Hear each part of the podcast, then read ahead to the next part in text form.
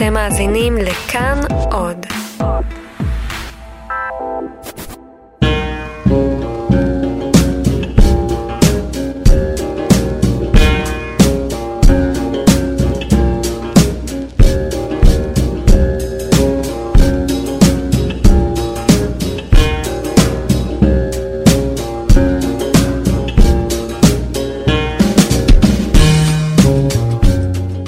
שלום לכם, אתם על אה, שקט ועיר הגדולה, תוכנית טיפה אחרת ליום הכיפורים. לא נעסוק פה בדת ולא בכפרה ולא בסליחות, לפחות לא כאלו שבין האדם לחברו. בשעה הקרובה ניתן את הבמה לתופעה המסקרנת הזו שמלווה את יום הכיפורים, שקט. זה שקט בלי מכוניות, בלי אזעקות, זה שקט מקניות, אין את משאית פינוי האשפה, אין את הרכב שמנקה את הכבישים, אין את הכריזה מהרכבת או מהאוטובוסים, פשוט שקט.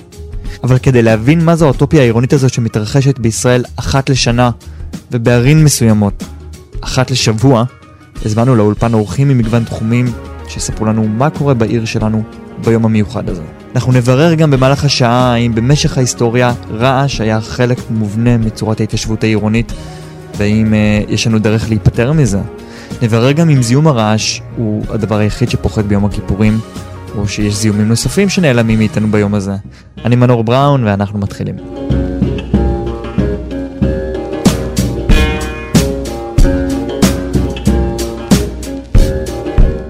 יום הכיפורים מזמן לנו שילוב של עיר ושקט, שאלו שני דברים שלא ממש הולכים ביחד. שלום לתומר שלוש, חוקר ערים. שלום. כשאנחנו חושבים על עיר, אנחנו חושבים בעצם על רעש. זה המצב משחר ההיסטוריה?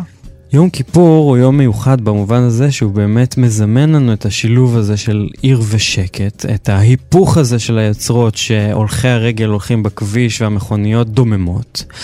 ובאמת זה משנה לנו את כל האופן שבו העיר נראית, את כל ה townscape, וגם את כל האופן שבו העיר נשמעת, ה soundscape.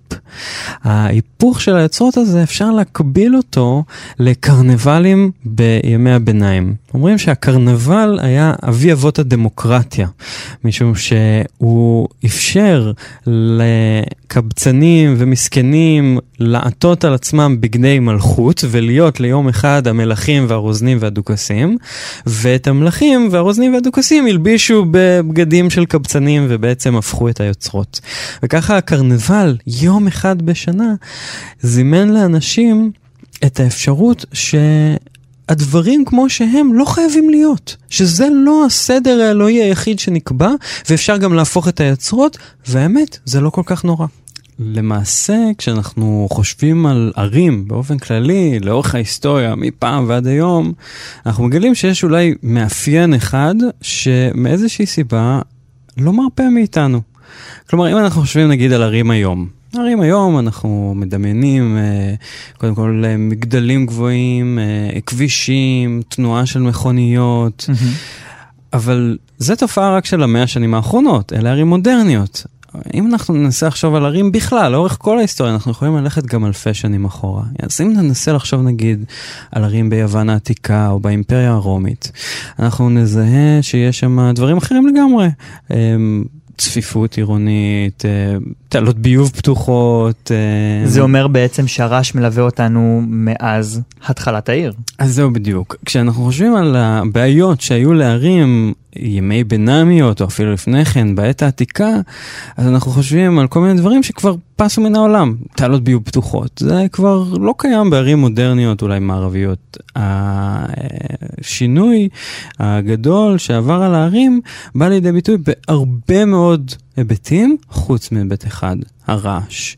אם אנחנו הולכים אחורה בזמן, היינו יכולים ללכת נגיד בפוליס בעיר המדינה היוונית, אל האגורה, כיכר העיר. ושם היינו יכולים לשמוע את הרוכלים בשוק צועקים, או את הוויכוחים באספות העם. הרעש היה חלק מהיומיום שלך גם בפוליס היוונית. למעשה, התקנות הראשונות למניעת רעש התקבלו בערים של יוון העתיקה. באמת? מה זה אומר? זה אומר שאנחנו כבר למעלה מאלפיים שנה מנסים להתמודד עם הרעש בערים שלנו ולא מצליחים. אבל זה אומר שביוון העתיקה התמודדו גם עם רעש, אבל רעש מסוג שונה, לא עם מטוסים, לא עם רכבות, לא עם אוטובוסים ומכוניות שצפות, אילו נכון. סוג של רעשים? נכון, התמודדו למשל, אה, ניתן דוגמה קצת יותר מאוחרת דווקא, יוליוס קיסר באימפריה הרומית, הוא מוציא תקנה מאוד מדויקת שאסור לנסוע עם כרכרות רתומות לסוסים באזורי מגורים אחרי הזריחה. כדי שהיומיום שלך אתה תוכל לחיות ולא כל הזמן להיות נתון באיזה המולה אינסופית, כאוס של אה, מרכבות סוסים שכל הזמן רצות לידך. הלוואי עליי אם ראשי הערים שלנו היו משכילים לאסור על תנועת מכוניות במרכזי הערים שלנו מהזריחה עד השקיעה. אבל. בינתיים הם אה, מנסים לתת לנו שקט בין 2 ל-4. ניסיון עקר קצת, לא? אמ, קודם כל צריך להגיד שגם התקנות למניעת רעש של היום זה בעצם ה- ה- הגלגול הישיר של האב הקדמון של אה, יוליוס קיסר שאומר אסור אה, לנסוע עם כיכרות. כלומר תקנות למניעת רעש מנסות להגן עלינו כבר אלפי שנים ועושה רושם שהן לא מצליחות. אמ, החוק הישראלי שאומר שאנחנו יכולים אה, לנוח בבית בין 2 ל-4 ושלא יהיה לנו רעש, אנחנו בקושי רואים אותו בא לידי ביטוי בחיים היומיומיים שלנו. בכלל יש תחושה של איזשהו כרסום אה, בחוקי הרעש או בשקט שיש לנו התושבים אה, בעיר. כרסום מתמיד. גם uh, התקנות האלה למניעת רעש, הגרסה העדכנית שלהם היא נחתמה בשנות ה-90 על ידי שרת הבריאות אורה נמיר. ובעצם הן קובעות שמ-11 11 בלילה עד 7 בבוקר אסור להרעיש. ואנחנו מוצאים ש... מעבר ליום העצמאות בפורים, כל שאר הימים בשנה היה אפשר להפעיל את, ה, את התקנות האלה למניעת רעש, להגן על עצמנו מפני רעשים חיצוניים. אבל עם השנים, משנות ה-90 עד היום, נוספו עוד ועוד ימים, או יותר נכון לילות, ללוח השנה שלנו, שבהם כן מותר לעשות רעש. אז אם בהתחלה זה היה יום העצמאות ופורים, עכשיו זה גם יום ירושלים, והמימונה, והסילבסטר, ואולי אפילו גם ל"ג בעומר, צריך לבדוק בדיוק את החוק, אבל באמת נוספו עוד ועוד אה, חיקוקים, עוד ועוד חוקים, שבעצם אומרים, מותר להרעיש גם בלילה הזה וגם בלילה הזה, ובכלל בואו שיהיה פה שמח. עכשיו אני, לא אומר, עכשיו אני לא אומר שאסור שיהיה פה שמח, אנחנו מאוד רוצים שיהיה פה שמח, אבל אולי גם מדי פעם, כדי שיהיה את האפשרות גם שיהיה קצת שקט. יש בכלל סיכוי לשקט בעיר? זו שאלה, כי אנחנו רואים שבאלפי שנים שהעיר קיימת, אם יש מאפיין אחד שלא מרפה ממנה זה הרעש, אז איך אנחנו בכלל יכולים להתחיל לדמיין את השינוי? איך אנחנו בכלל יכולים להתחיל לדמיין ערים שקטות? וזה גם שאלה יותר רחבה, כי אנחנו רואים היום בפעילות של הרבה מאוד חוקרי ערים כמוני ואורבניסטים בכלל, אנשים שמתעניינים בערים ובעירוניות, יש הרבה מאוד התעניינות בערים ירוקות. איך אנחנו יכולים לעשות את הסביבה העירונית ליותר ירוקה, ליותר אקולוגית. אנחנו רואים גם ערים חכמות, רוצים להכניס יותר טכנולוגיות מתקדמות לעיר כדי שנוכל אה, לנהל את המידע בעיר בצורה יותר חכמה. אבל זה נשמע כאילו הכל מתעסק בניהול ובפונקציונליות ופחות באוזניים שלנו, כי אם אני מצליח להבין, אז מצליחים אה, למנוע ולחוקק נגד דברים מסוימים, ואז הרעש מגיע ממקורות אחרים. אני אקח לדוגמה את, אה, את חוק המפוחים. שבאמת אני חושב הביא לכולנו איזושהי דקה של נחת, ואז הבנו ש... שמקור הרעש יבוא ממקום אחר. אז באמת, הולכים על כל מיני קונספטים, ערים ירוקות, ערים חכמות, ערים אה, אה, משתפות, ערים של כלכלה שיתופית, אבל אף אחד לא מדבר על ערים שקטות. אז באמת, כמו שאתה אומר, מדי פעם יש הבלחות כאלה, כמו הניסיון להתמודד עם המפוחים, שמאוד מאוד הרעישו, אבל התחושה הייתה שהם רק מזיזים את העלים מצד לצד. והחזון שלנו, שיום יבוא ונוכל ליהנות משקט גם בעיר, הוא משהו שמאוד קשה לדמיין אותו. אבל יש לנו כן נקודת אור, יש לנו כן נקודה לאופטימיות. דווקא המקום הכי שקט בעולם הוא נמצא באיזושהי מעבדה של מייקרוסופט באמצע עיר, ששם בעצם המעבדה הזאת מנטרלת את כל הרעשים שיכולים להיות. Mm-hmm. אם אנחנו יכולים לחשוב על שקט אמיתי, הוא קודם כל נובע ממאמץ אנושי. אנחנו יכולים ליהנות משקט כתוצאה מזה שהוא משהו מלאכותי, משהו שאנחנו יוצרים. השקט לא נמצא בטבע, בטבע אין שקט. אנחנו, בני האדם, יכולים ליצור שקט. לכן הערים שלנו כן יכולות להיות, אם אנחנו מדברים על החזון הזה של ערים שקטות, הן כן יכולות ללכת לכיוון הזה. ובאיזה אופן? אז קודם כל אנחנו יכולים לדבר על התכנון העירוני. התכנון העירוני במאה ומשהו שנים האחרונות מנסה להתגבר על הבעיה הזאת. הוא מנסה לקחת את המאפיין שלא מרפה מהערים שלנו כבר אלפי שנים ולהוציא אותו החוצה מהמשוואה.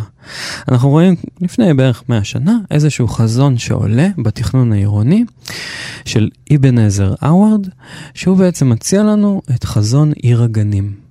כשאנחנו חושבים על התקופה שבה הוא עובד, הוא רואה את הערים... המתועשות מאוד, הרועשות. בדיוק. בדיוק, הערים שצ'ארלס דיקנס כותב עליהם. לונדון של המהפכה התעשייתית. בדיוק, הערים האנגליות שעוברות את התיעוש המואץ הזה, שהופכות להיות מזוהמות, רועשות, עם משכנות עוני, זה מה שהוא רואה לנגד עיניו, והוא אומר, טוב, אנחנו רוצים ערים ירוקות, אנחנו רוצים ערים שקטות, אנחנו חייבים לצאת החוצה, להתרחב אל מחוץ לערים הקיימות ולבנות ערי גנים. ערי גנים שיהיו גם קטנות בהיקף שלהם, מקסימום 30 אלף איש כל אחת, שבכל בית יוקדש חלק מהמרחב לגינה ירוקה מטופחת, שהשדרות יהיו בהן רחבות. בעצם החזון הזה של עיר הגנים נועד להבטיח לנו את השקט. אבל זה כמעט אנטי-עירוניות. זהו בדיוק. לימים הקונספט הזה של עיר הגנים הפך להיות מאוד מושמץ על ידי מתכנני ערים, אה, נקרא לזה אה, פוסט-מודרניים, שבאו לקראת אה, סוף המאה ה-20 ועובדים היום בתחילת המאה ה-21 ואומרים, מה זה החזון הזה של עיר הגנים? זה ההפך מעיר.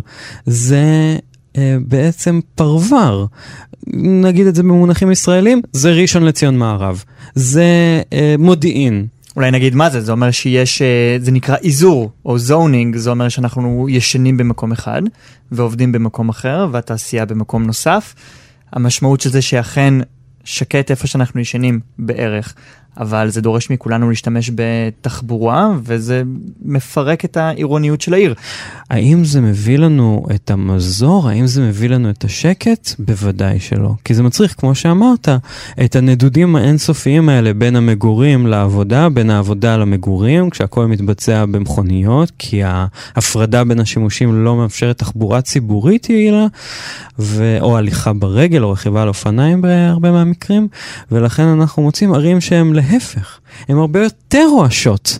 החזון של ללכת למקום של עיר שקטה הוביל אותנו דווקא לקיצון ההפוך, דווקא לערים יותר רועשות. לשימוש מוגבר בתחבורה, וכאמור, אה, המשמעות של זה רעש. המשמעות היא רעש. אתה מכיר מקום בעולם שיש לו יום דומה כמו יום הכיפורים?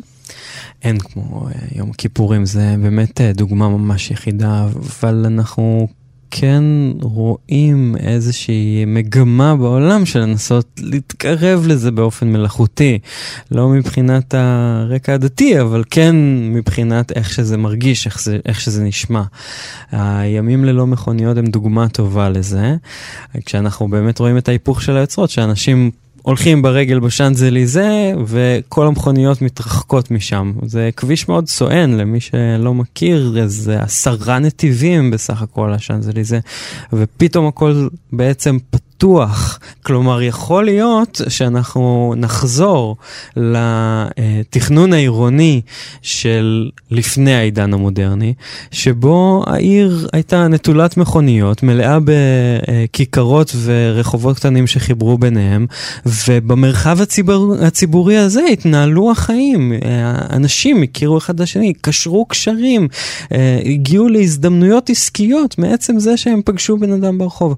כל הדבר הזה יכול... יכול לחזור ולהיות גם בימינו, כי עושה רושם שהערים המודרניות שלנו, הן לא הולכות לחזון שהיינו רוצים אולי שהוא ילך אליו, אה, שהן ילכו אליו, החזון של העיר השקטה. בשלב הזה נדבר קצת יותר על הפרקטיקה, עם מישהו שעוסק בנושא, אז תישאר איתי פה, ואני רוצה עכשיו לצרף אלינו את אה, יאיר ברמן, הוא מאקו הנדסת סביבה ואקוסטיקה, אה, הוא בעצם גם יועץ אקוסטי. שלום יאיר. שלום שלום. האם בעתיד הערים שלנו יהיו שקטות יותר.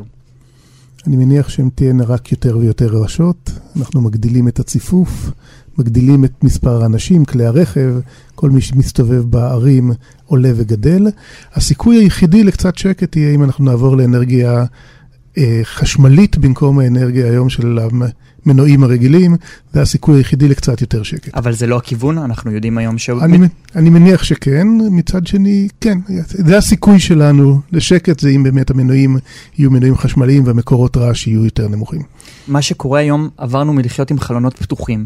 אנחנו מכירים תמונות, אנחנו מכירים מסרטים של שנות ה-50, של שנים קודמות, חלונות פתוחים, אנשים במרפסות, למגדלים וחלונות שהם סגורים בבתים. גם אני היום, אה, כל החלונות שלי בבית סגורים, וגם כשאני מגיע הביתה, רוב הזמן הם סגורים. אני מניח שהם סגורים לא בגלל הרעש, אלא בגלל שיש לך מיזוג אוויר. כן, אנחנו עוברים מעולם של חלונות פתוחים לעולם של חלונות סגורים. אני מניח שאנשים עם הזמן התרגלו לזה. רוב המגדלים הכי יקרים בתל אביב היום יושבים על רוקי תחבורה ראשיים, מקומות מאוד רועשים, ועדיין אלה המקומות הכי יקרים. בגלל שאנשים גרים במקומות סגורים, אותו דבר בכל העולם כמובן. השדרה החמישית בניו יורק היא שדרה מאוד מאוד רועשת. אבל גם מרכז העיר מאוד רועש. בוודאי, כן. ועדיין אנשים, אנשים יחיו בחלונות סגורים. וזה לא אמור להשתנות בעתיד. אני לא רואה סיבה ולא רואה דרך לעשות את זה. אני הרבה... אגיד אה, אולי מהנקודת מבט הקודרת שלך, התחזית הקודרת שלך, שהולך להיות רק עוד יותר רעש, אם אני מבין נכון, אתה אומר, הערים שלנו רק נהיות יותר צפופות. איך, ה... איך הצפיפות הזאת היא מובילה לרעש? כלומר, יותר אנשים הולכים, זה אומר בהכרח שיהיה לנו יותר רועש מתחת למרפסת? יותר מזגנים. זאת אומרת, אם היום אני גר בבית פרטי ויש לי מרחק עד למזגן של הבית השכן, mm-hmm. בעתיד יהיה לי 100 מזגנים מול הבית, כי יהיה לי מגדל. מאיזה סוגי רעש אנחנו סובלים בישראל? אנחנו סובלים הרבה מרעש תחבורה, בעיקר מרעש של כבישים. אנחנו סובלים מרעש מטוסים, גם בגלל מטוסים אזרחיים, אבל בעיקר מטוסים צבאיים. אה, ואנחנו סובלים מרעש אה, סביבתי של, של, של המחיה באזור צפוף. מזגנים, הרבה מאוד, ועוד כל מיני מערכות שגורמות לרעש. וזה בלי החגיגות של יום העצמאות והמימונה ויום ירושלים ומרתון פה ומרתון שם, זה רק מוסיף. אתה אומר בחיי היום-יום זה המנועים. אלה רעשים שמחים לפחות. האם זה רק, אין בהם תועלת. ברעש שם אין תועלת. פה לפחות יש אנשים שנהנים מאותו רעש. רעש זה רעש, זה לאחד שמחה, אתה יודע, כשאני אשב עם מיזוג ויש רעש של מזגן אה, לשכן, אני לא בטוח שהוא כזה נהנה. אבל אתה לא שמח מזה שיש רעש של המזגן, אתה שמח מזה שהוא מקרר. כשאני עושה מרתון, אני נהנה מהרעש, אני נהנה מהכל. והיית מג... היית מגדיר את ישראל כמדינה רועשת ביחס לעולם? אני חושב ככה, לא שראיתי מחקרים, אבל אני משוכנע שבגלל הצפיפות אנחנו מדינה מאוד רועשת.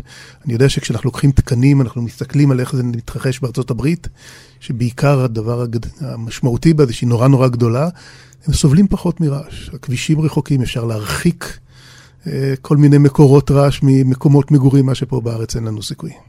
אני אגיד מהנקודת מבט האורבנית, נקרא לזה, מהנקודת המבט האורבנית, דווקא השאיפה להרחיק את האנשים כמה שיותר, כדי שנסבול כמה שפחות מהרעש אחד של השני, עומד בניגוד לחזון של רוב האנשים דווקא לצופף את הערים, להפחית את השימוש במכוניות, להפחית את השימוש במנועים אה, מזהמים, בעצם שנחיה דווקא יותר קרוב ולא יותר רחוק. אתה מבין למה הכוונה? כן, אני מבין, מה שמדובר על שימושים מעורבים. כן. שימושים uh... מעורבים נשמע כמו חזון מאוד נחמד, אם אנחנו נוכל להפסיק להשתמש בכלי רכב ברמה השוטפת בשביל להגיע לעבודה, בשביל להגיע למכולת, זה ודאי נחמד. אתה אומר בזמן הקרוב, אתה לא רואה את זה קורה. אני פחות רואה את זה, בינתיים אנחנו לא רואים את זה עדיין. לא ולכן המגמה הזאת של להרחיק בין האנשים, להרחיק בין מוקדי הרעש. זה לא מגמה, בארצות הברית זאת התמונה. אנשים גרים רחוק, פה בארץ אנחנו גרים קרוב. אם יהיה שימושים מעורבים, אולי אנחנו נשתמש פחות בכלי רכב, אולי יהיה פחות רעש. איזה טכנולוגיות יש היום אה, חדשות בשוק שיכולות למנוע רעש אה, עירוני? אה, דבר ראשון, המזגנים. המזגנים נעשים יותר שקטים. כל הזמן המזגנים, וזה אחד המקורות רעש העירוניים הכי גבוהים, נעשים יותר שקטים. דיברנו קודם על המכוניות, כשהן יעברו להיות חשמליות, בתוך העיר הן תהיינה יותר שקטות. כמה מימד האקוסטיקה נכנס לתכנון היום? מאוד. מאוד. אין תוכנית גדולה שאין בה יועץ אקוסטי, אין בה רגולציה אקוסטית, אין בה תזכיר השפעה על הסביבה, אם זה צד של כבישים או דברים כאלה. השיקול האקוסטי הוא שיקול, שיקול בתכנון עירוני, תכנון סביבתי, נושא מאוד מאוד מרכזי. רעש מפריע לנו, כי רעש, אחד הדברים שאנשים אה, מודדים את איכות החיים שלהם מולו זה מול רעש. אנחנו, הטענה שלנו במשרד זה שאנשים מתים מזיהום אוויר, אבל מתלוננים על רעש. ש- שזה אנחנו יודעים. כשאנחנו הולכים ברחוב ויש לנו זיהום אוויר, אנחנו לא בהכרח מודעים לזה. כשאנחנו סובלים מרעש, אנחנו סובלים. אנחנו יודעים את זה, אנחנו מזהים את זה. קל לנו יותר להתלונן על זה. טוב, אז אני מבין שהעיר שלנו לא תלך ותהיה שקטה יותר. לא, אחרת לא תהיה לי פרנסה. אז אנחנו אה, ניפרד בשלב הזה. תודה רבה ליאיר ברמן מאקו הנדסת סביבה ואקוסטיקה, תודה רבה. ותודה רבה לך, תומר שלוש, חוקר ערים. תודה. כמה צלילים וחוזרים. כאן תרבות, כבר חוזרים. אתם על אה, שקט ועיר הגדולה, תוכנית קצת אחרת ליום הכיפורים. הרגע המדהים הזה, ללא קשר אם אתה מאמין או חילוני, שבו עם רדת החשיכה פוסקת תנועת הרכבים ואת הכבישים גודשים המוני רוכבי אופניים והולכי רגל, הוא רגע של שינוי טוטאלי בסדר העירוני שאנחנו רגילים אליו. אפשר לקרוא לזה כיפורטופיה. מי שטבעו את המונח הזה הם דוקטור דניאל מישורי ודניאל רובינסון. יחד הם כתבו את המאמר יום הכיפורים הישראלי, הזדמנות לחשבון נפש על סביבה ומרחב ציבורי.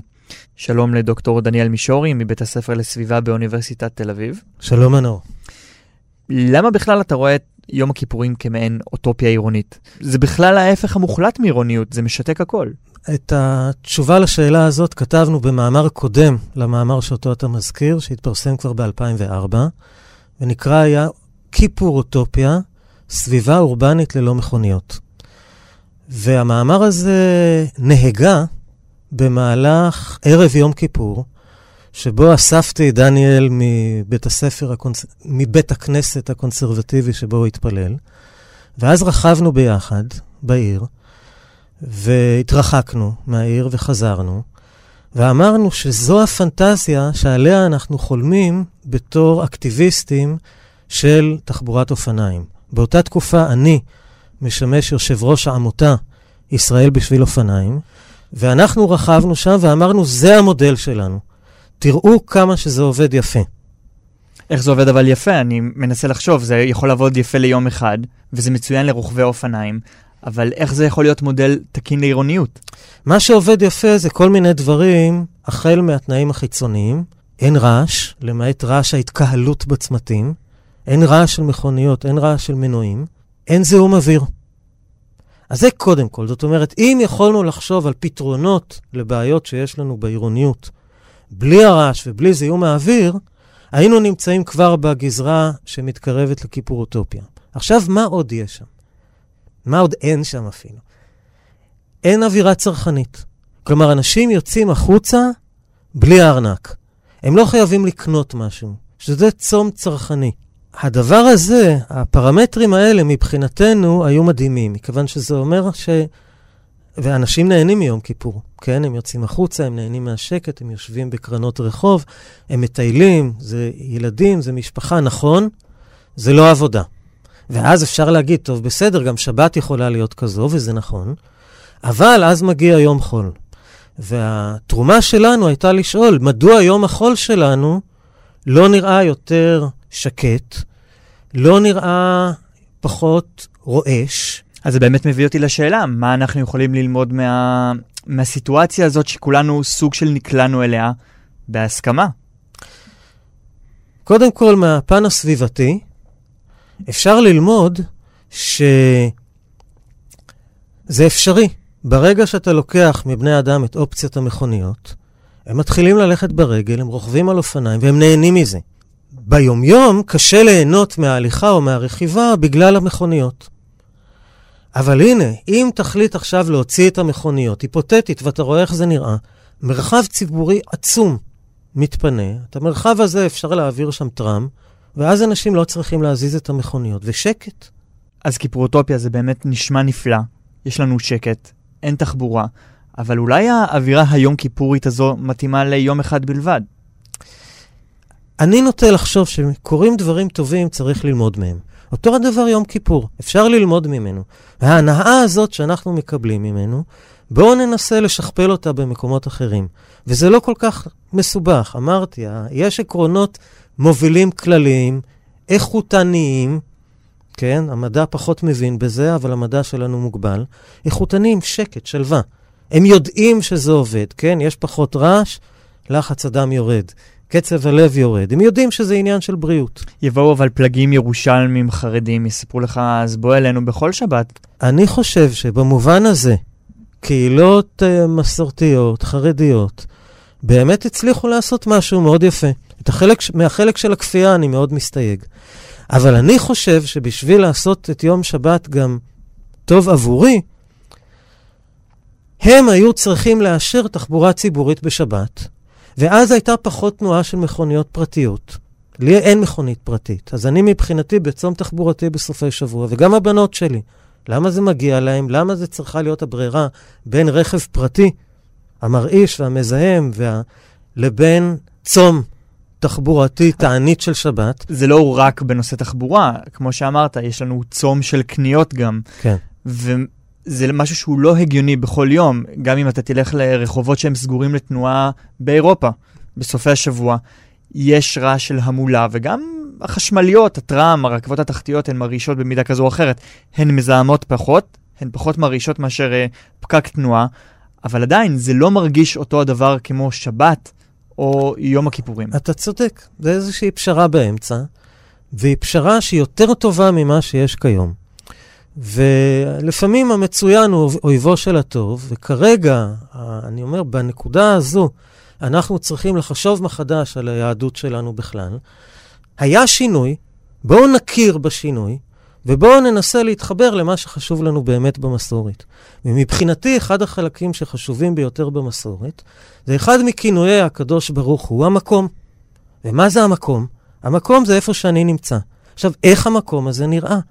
אם אנחנו מזהמים את הארץ, מזהמים את האוויר, מרעישים עד כדי כך שאי אפשר לשמוע את הצלילים הטבעיים של העולם כפי שהוא נברא, את דבשת הרוח, את ציוץ הציפורים. יגידו לך אנשים, קח את הרכב, צל מחוץ לעיר. אם אתה לוקח את הרכב, אתה לוקח את הרעש איתך. אבל העובדה שקשה לצאת לטייל בארץ בלי רכב פרטי, תעודת עניות לתכנון התחבורתי בארץ. תעודת עניות שכיפורוטופיה אמורה לחשוף. איך לדעתך הרעש העירוני משפיע עלינו?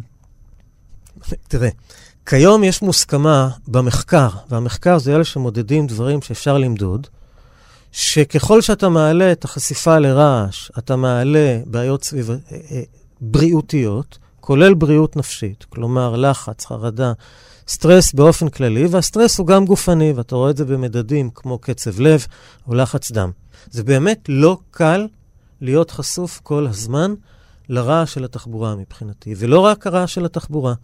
אני יוצא לחוף הים, ואני רוצה קצת רגע של שקט מול השקיעה, ועיריית תל אביב, ברוב אטימותה, אה, שמה מערכת כריזה בחוף, והמערכת הכריזה הזאת כל 20 דקות בערך, ולפעמים פחות, נותנת הודעה ארוכה בחמש שפות, ששירותי ההצלה עומדים להיגמר, או שהיום אין שירותי ההצלה, תלוי בעונה, ושאנשים מתבקשים לצאת מהמים. ולפעמים אני יושב לבד בחוף, בחורף, אין אף אחד בים, אין אף אחד לידי, ועדיין הקריסה תעבוד.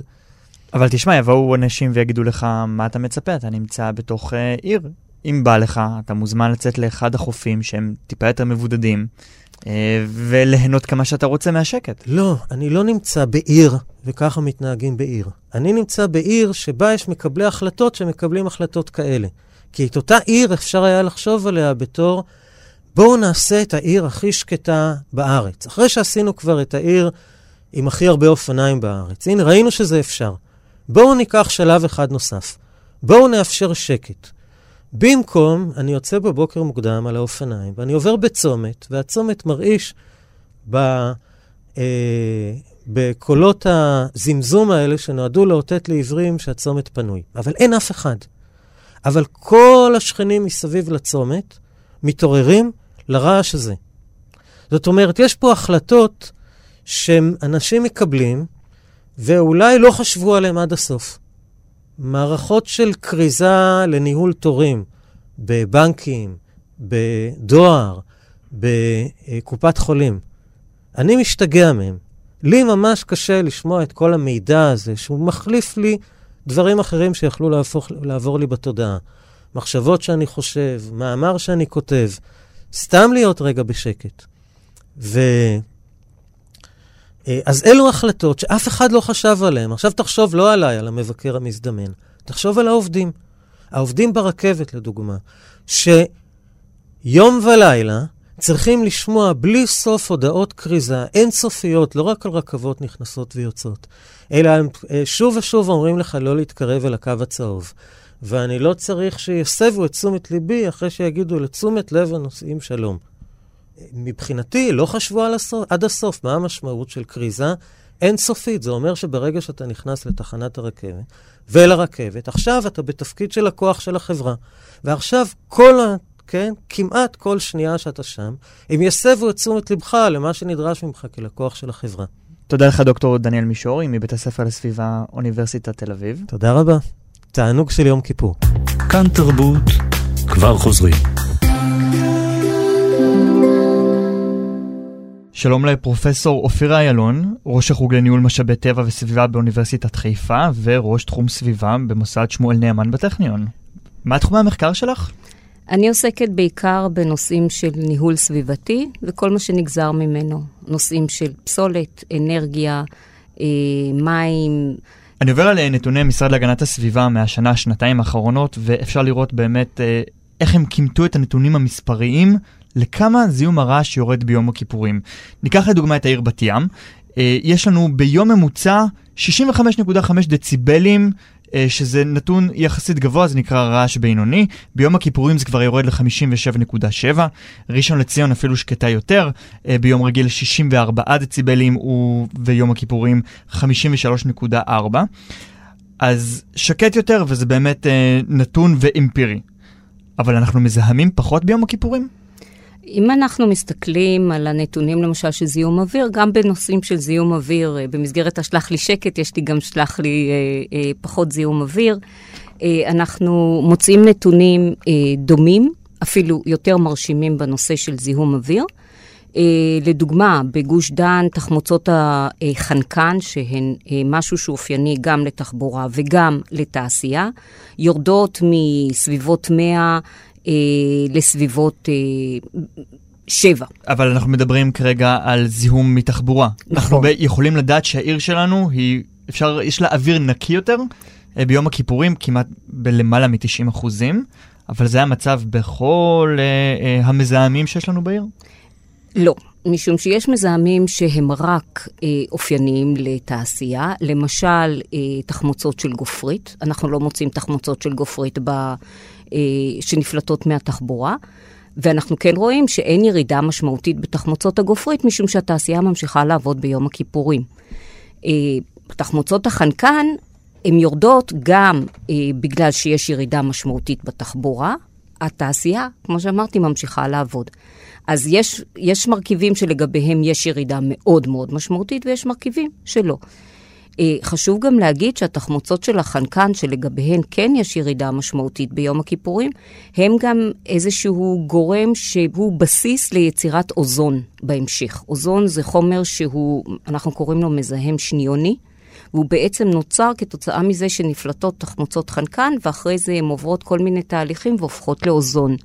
האוזון הוא לא לצורך העניין בתל אביב, אלא לצורך האילוסטרציה, אנחנו נמצא אותו בריכוזים גבוהים במודיעין. אה, כי לוקח לו זמן להיווצר. אז מטבע הדברים, ביום הכיפורים אנחנו נמצא פחות אוזון באזור מודיעין. והזיהום הזה שיש לנו באוויר, לא לוקח לו זמן לשקוע? 24 שעות של שקט, זה מספיק? המדידות שנלקחות הן מדידות בשעה מסוימת בתחנה תחבורתית מסוימת לכל, לכל אורך יום הכיפורים. זאת אומרת, הן לא נפלטות, אז הן לא נמדדות, כי התחנות התחבורתיות מודדות את מה שיש על הכביש. ולצורך העניין, אין על הכביש, אז הן לא, לא יכולות לזהות את זה. אז זה משהו אה, שעתי. זה לא משהו שאתה אה, ניזון ממנו ונהנה מהאוויר הנקי אה, יום אחרי. אז כאמור, יום הכיפורים הוא גם uh, יום צום צרכני. נכון. Uh, איך זה בא לידי ביטוי באשפה שאנחנו מייצרים, בזיהום שאנחנו מייצרים בעצמנו?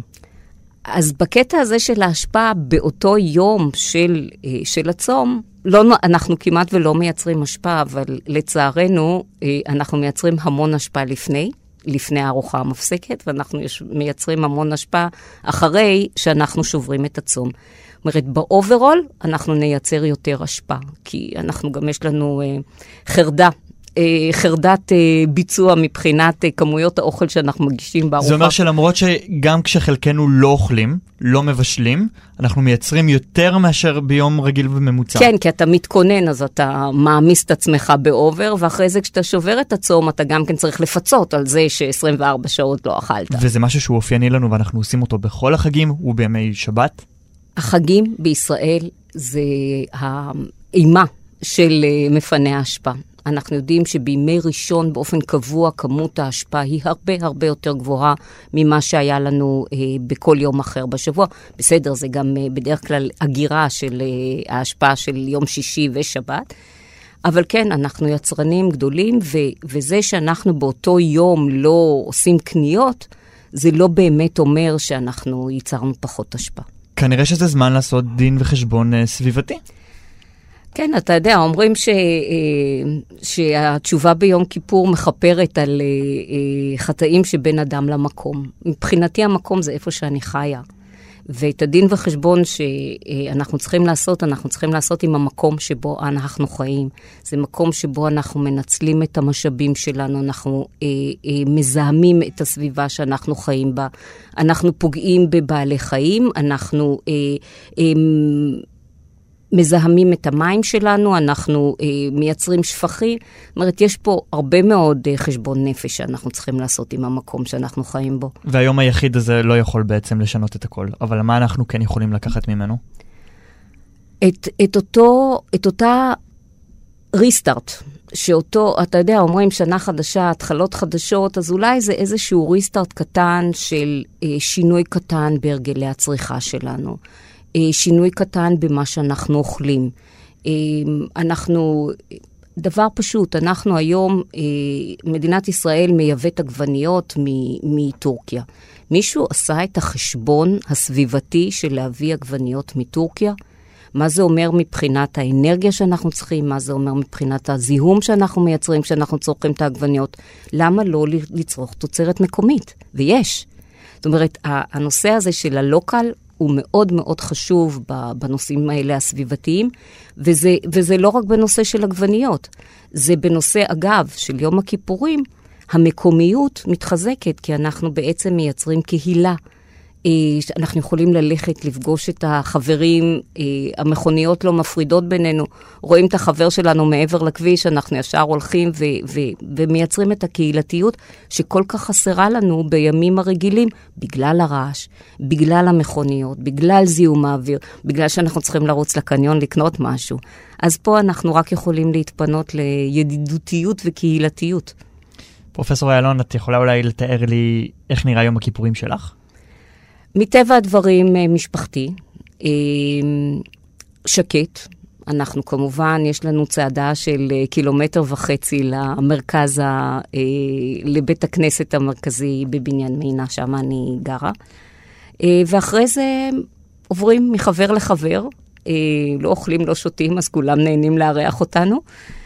ואחרי זה חוזרים הביתה, ולמחרת שקט, נהנים מהשקט. תודה רבה לפרופסור אה, אופיר איילון, ראש החוג אה, לניהול משאבי טבע וסביבה באוניברסיטת חיפה, וראש תחום סביבה במוסד שמואל נאמן בטכניון. תודה רבה גם לך, ושנה טובה, וגמר חתימה טובה, ופחות צריכה. ועכשיו אה, ננסה לבחון את מושג השקט מזווית טיפה שונה. ימי או דקות השקט המלאכותי שהיהדות והמציאות הישראלית מייצרת לנו במהלך השנה, הן גם כר פורה ליצירות אומנות. התמונה הסוריאליסטית של כבישים ריקים, של עיר שמוצפת בהולכי רגל לבושי בגדי חג, הן בסיס לכמה עבודות אומנות שעוסקות בנושא, ודרכן במושג קודש וחול בעיר. אבל האמנים שלרוב מתמחים בלהעיר לנו, צרכני האומנות, רגעים ייחודיים, הם לא היחידים שעושים זאת. בשנים האחרונות הרשתות החברתיות עמוסות בתמונות אומנותיות של צלמים חובבים שכוללים תיעוד של המרחב הציבורי הריק והשקט. על הנושא הזה נדבר עם אה, תמרה אברמוביץ', שלום תמרה. שלום. תמרה היא עוצרת לאומנות ישראלית במוזיאון ישראל. האם יש מושג כזה, שקט, בעולם האומנות? בהחלט. אז קודם כל יש אה, עבודות שהן אה, עבודות סאונד או עבודות וידאו שיש בהן אה, פסקול חד משמעי שהוא מרעיש או שקט, אבל רוב האומנות בכלל, ובטח האומנות הישראלית, היא מדברת עלינו בשפה שהיא חזותית. ולכן זו שאלה מאוד אישית, אם משהו מרעיש לי בעיניים או אם משהו משקיט לי את העיניים. אה, ניקח לדוגמה עבודות אה, מופשטות למשל של ג'קסון פולוק. אה, יש אנשים שירגישו שהנזילות צבע שלו הן מאוד מרעישות ומציגות איזשהו רגש מאוד מאוד עוצמתי, לעומת אנשים אחרים שירגישו תחושות רוגע ושקט. זה בעצם רעש ויזואלי. בדיוק. איך אה, נעשה שימוש בסאונד לדוגמה? אה, אוקיי, אז בטח בשנים האחרונות, בעשורים האחרונים, אמנים שמשתמשים בווידאו וממש עבודות סאונד, אה, מצליחים להעביר אלינו בצורה יותר ברורה רעש או שקט. אם זה עבודות וידאו שיש בהן מוזיקה מאוד רועשת, למשל פרויקט של גלעד רטמן, שלקח חמש להקות רוק מטאל כבדות כאלה מרומניה, ועשה איזשהו מופע רוק כבד, שבאמת החוויה האודיטורית הייתה מאוד מאוד מעצימה. אמ, לעומת אה, אה, אמנים אחרים שמנסים ליצור איזושהי חוויה יותר, אה, יותר רגועה באמצעות הסאונד. אבל גם הגלריות וגם המוזיאונים הם בעצם בנויים כקופסה שקטה מאוד. נכון מאוד. בעצם כל החוויה האומנותית, אה, כמו שהיא קיימת היום, או במובן המסורתי שלה, מזמינה אותנו להיות בשקט. אה, והמוזיאון, אה, אני בטוחה שהמאזינים שלנו שביקרו במוזיאון שמעו איזשהו שומר אה, מנסה להשקיט אותם, לשמור על השקט, וגם באופן טבעי, כשאנחנו נכנסים למקום שיש בו איזושהי יראת קודש, והמוזיאון הוא קצת המקדש החילוני, כמו שאוהבים לכנות אותו, הוא מזמן אותנו להוריד את הווליום ולשמור על, ה, על השקט מתוך איזשהו כבוד. אז אם אנחנו באמת נוגעים בקודש, אז אנחנו נדבר ב- על יום הכיפורים ועל החגים. בכל התוכנית הזאת אנחנו מבינים שהעיר היא שקטה, אין מכוניות, אין אנשים באותו היום. אה, אותו דבר לגבי השבת בערים חרדיות. אה, יש לנו עוד כמה סיטואציות כאלו כמו אה, צפירה, שזה איזשהו רעש מאוד מאוד חזק בעיר, שמביא איתו שקט מאוד גדול, או פנימי או לאחריו. אמנים, אמנים ישראלים בכלל, עושים שימוש בפלטפורמה המוזרה הזאת? Uh, כן, uh, קודם כל, uh, יש משהו מעניין במרחב הישראלי, שכמו שאמרת, הסאונד uh, מלווה את הטקסיות. אני חושבת שזה קיים uh, בכל uh, תרבות, אבל בישראל uh, אנחנו באמת חושבים על הצפירה, היא מהווה איזושהי נקודת מעבר, או אפשר להגיד uh, שלב לימינלי, uh, שבין uh, החול לקודש, uh, לפני ואחרי. Uh, יצירת אומנות מאוד מעניינת של uh, יעל ברטנה, שהיא אמנית uh, ישראלית, היא גם מאוד פעילה בזירה הבינלאומית. אמ- אמנית וידאו. אמנית וידאו, יצרה בשנת 2001, שזה באמת שלב די מוקדם לעבודות וידאו ישראליות. עבודה יחסית פשוטה. Uh, היא עלתה על גשר מעל כביש איילון uh, בשעה שבע בערב, ממש לקראת הצפירה של ערב יום כיפור, זאת אומרת הצפירה שמכריזה על uh, כניסת יום הזיכרון לחללי מערכות ישראל. והיא ממקמת את המצלמה שם ובעצם מתעדת רגע מאוד מיוחד שבו הכביש הסואן ביותר במדינה עוצר מלכת. למשמע הצפירה, האנשים יוצאים ועומדים, ואז נכנסים בחזרה למכונית וממשיכים לנסוע. ובעבודת הוידאו הזו אנחנו לא רואים תיעוד שהוא רק דוקומנטרי, היא כמובן עורכת את זה, ויוצרת בעצם קודם כל slow motion. Mm-hmm. ככה שאנחנו רואים את הרגע הזה נמתח, למרות שזו דקה, uh, היא נמתחת על פני uh, כמה דקות של וידאו, ומעבר לזה היא עושה סופר אימפוזיציה של הפריימים, שזה בעצם אומר שכבות קצת שקופות כאלה uh, של המכוניות שהן נוסעות וכל פעם נעצרות מחדש, בזמן שאנשים עוד עומדים. את יודעת, אני חושב על זה שזה נשמע מאוד חדשני לשנת uh, 2001, אבל מאז, כמעט 18 שנה אחרי, אני לא מצליח לחשוב על מהדורת חדשות של... של יום זיכרון, יום השואה, שלא נפתחת בפוטאג', בתמונה ממסוק, בתמונה מגשר שמצלמת את, את הכביש, עומד. זה כבר, זה זלג מעולם האומנות הגבוה אה, לעולם החדשות. ואנחנו, או, או עלה כן, למעלה, מהעולם כן הנמוך יכולים, לעולם האומנות. בדיוק, אנחנו יכולים לחשוב מאיפה זה מגיע. את יודעת, גם אה, הרשתות החברתיות מוצפות בכל חג, בוודאי ביום הכיפורים, אה, בתמונות סוריאליסטיות של אה, אה, הכבישים הריקים, המרחב הציבורי הריק. אז קודם כל הדיאלוג שמתקיים בין האמנות הגבוהה במוזיאון לבין uh, הדימויים שכולנו רואים במכשירים הניידים שלנו, זה דיאלוג שהוא מאוד מאוד פורה. זאת אומרת, זה לא רק השפעה של האומנות הגבוהה מטה, אלא אני מאמינה גדולה בהשפעה דווקא מלמטה אה, כלפי, אה, כלפי מעלה, והדימויים האלה הם חלק מהתרבות החזותית של כולנו. אה, ולכן אני כן חושבת שצריך להתייחס אליהם, ובדיוק לנסות להבין מה יש בה, ברגע התיעוד הזה, של הדבר שהוא במובן מסוים פנומן בתוך החברה הישראלית, של העצירה הזו מלכת. ו... יש לנו דוגמאות נוספות? אה, לאמנים שתיעדו את, ה, את הרגעים האלה של המעבר.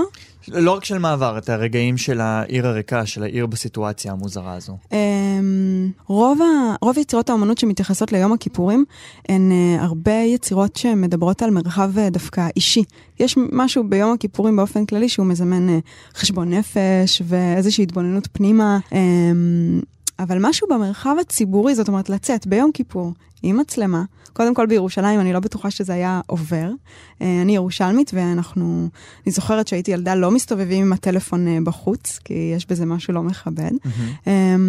אבל אמנים שבעצם בוחרים לצאת למרחב הציבורי ביום הכיפורים, הם אמנים שעסוקים באופן כללי, ככה אני רואה את זה, בשאלות אה, חברתיות, פוליטיות, ציבוריות. זאת אומרת, משהו במרחב הזה מזמן שאלות על הקהילה או על החברה הישראלית. מיכל היימן היא ימנית ישראלית, מאוד פעילה בזירה החברתית, ימנית שמגדירה עצמה פמיניסטית ופוליטית, ולכן זה לא מפתיע שגם ביום כיפור היא יוצאת לחפש תופעות חברתיות שמתקיימות במרחב. אנחנו מדברים על יצירה שלה, יצירת וידאו, שנקראת יום הכיפורים בצהרי היום. בדיוק, וזו עבודה שהיא חלק מסדרה שלמה שנקראת התקפות על חיבור. והיא קוראת לעבודה הספציפית הזו התקפות על כיפור. ובעבודה הזו היא בעצם יוצאת לשדרות רוטשילד בתל אביב, ממש במפגש עם כיכר הבימה, עם מי שביקר שם ביום הכיפורים, זה אזור שהוא אמנם ריק ממכוניות, אבל הוא מאוד סואן מבחינת האנשים שמטיילים, הולכים הלוך וחזור. על הכבישים. אם ירושלים מאופיינת בשקט שלה מאוד גדול ביום הכיפורים, אז תל אביב וגם ערים אחרות, אני מניח, מאופיינות בלבוש הלבן שכולם יוצאים לרחובות, גם החילונים. בדיוק, וזה מה שמעניין בעבודה, כי בעצם היימן שולפת את מצלמת הוידאו שלה, והעבודה מציגה את המעקב של המצלמה בצורה קצת מציצנית, אפשר להגיד סטוקרית כזו, אחר אישה, אנחנו לא כל כך רואים את פניה, אנחנו רואים אותה מגבה, לובשת שחור, לובשת חצאית קצרה ומאוד צמודה, וגם גופייה שאפשר להגיד שהיא חושפנית, בטח באופן יחסי ליום כיפור. והמצלמה עוקבת אחריה אה, מאחור, בזמן שהקהל או האנשים שהולכים ברחוב הולכים דווקא עם הפנים אה, לעבר המצלמה, והם כולם לובשים לבן, ונוצר איזשהו ניגוד או איזשהו מתח בין הדמות של האישה אה, לאותן אה, אה, דמויות שהולכות, חלקם דתיים, חלקם חילונים. זו אישה. אה... צריך להגיד שאנחנו לא בטוחים, אני לפחות לא יודע האם מדובר בטרנסג'נדר, אז, טרנסג'נדרית. אז מה שמעניין כאן זה שהעבודה למעשה לא חושפת את זה, אבל בשיחות עם מיכל, היא אמנית שאני ככה עוקבת אחריה כבר שנים רבות, סיפרה שבעצם היא ראתה אותה כאישה מאוד יפה ומאוד מושכת, ולכן היא גם התחילה לצלם אותה. ואיפשהו במהלך התיעוד היחסית ספונטני, היא מגלה שזו בעצם גבר שלבוש כאישה. זאת אומרת, היא הצליחה לזהות את זה ממש כשהמצלמה עקבה אחריה. ופתאום, שוב, באופן מאוד אופייני להיימן, היא הופכת את העבודה הזו לאיזשהו שיח אה, שמדבר על מגדר, ומדבר על המקום של מגדר בתוך אה, מרחב שהוא דתי, יהודי, יום הכיפורים זה יום שהוא באמת מאוד מאוד קדוש, במיוחד לאנשים דתיים, ואגב, גם להרבה אנשים חילוניים, הם מוצאים דווקא את החיבור ליהדות ביום הזה. אה, והיא מבקשת לשאול גם שאלות על חשבון נפש, אני חושבת. אז זה עוד אמנית שמתעדת אירועים דתיים, טקסים דתיים, ובעיקר מרחבים אה, ישראלים שנוגעים בקדושה, זו נירה פרג, אה, שאפשר להגדיר אותה במובן מסוים, לפחות אה, בעיניי, כאמנית שיש לה צד אנתרופולוגי. זאת אומרת, היא יוצאת אה, עם מצלמת וידאו, לתעד כל מיני אירועים שבאמת יש בהם משהו סוריאליסטי, כמו שציינת קודם. היא מתעדת אה, למשל את אה, חברון, את מערת המכפלה, את כנסיית הקבר, אה, והעבודה שניגע בה היום זו עבודה שמתעדת את שכונות ירושלים החרדיות. לעבודה הזו אנחנו קוראים שבת. היא צולמה בשנת אה, 2008, נס, נסביר כמובן אה, למאזינים שלנו, בגלל שהמדיום פה שונה לגמרי מהעבודה, העבודה היא עבודת וידאו, למרות שיש בה סאונד. אז בעצם אנחנו רואים אה, חברים של הקהילה החרדית שיוצאים לגבולות הקיצוניים של השכונות שלהם, על מנת אה, לחסום אותם במחסומים, מחסומי משטרה רגילים, כדי למנוע כניסת רכבים של אנשים שחלילה לא יפרו את השבת בתוך השכונה. אה, וזה מהלך שקורה בכל שבת, אחר הצהריים, ממש לפני, לפני כניסת, ממש לפני כניסת השבת. אמ, ופרג יוצרת בעבודת הוידאו מין קולאז' שמורכב מקטעי וידאו יחסית קצרים, שבהם רואים אה, ילדים ומבוגרים, גוררים את המחסומים ומציבים אותם. היא נותנת בעבודה איזשהו דגש אה, מיוחד לסאונד, לקולות הקטנים שאין סיכוי שהיינו מצליחים לשמוע אותם, או בטח לשים עליהם לב ביום-יום. למה היא עושה את זה?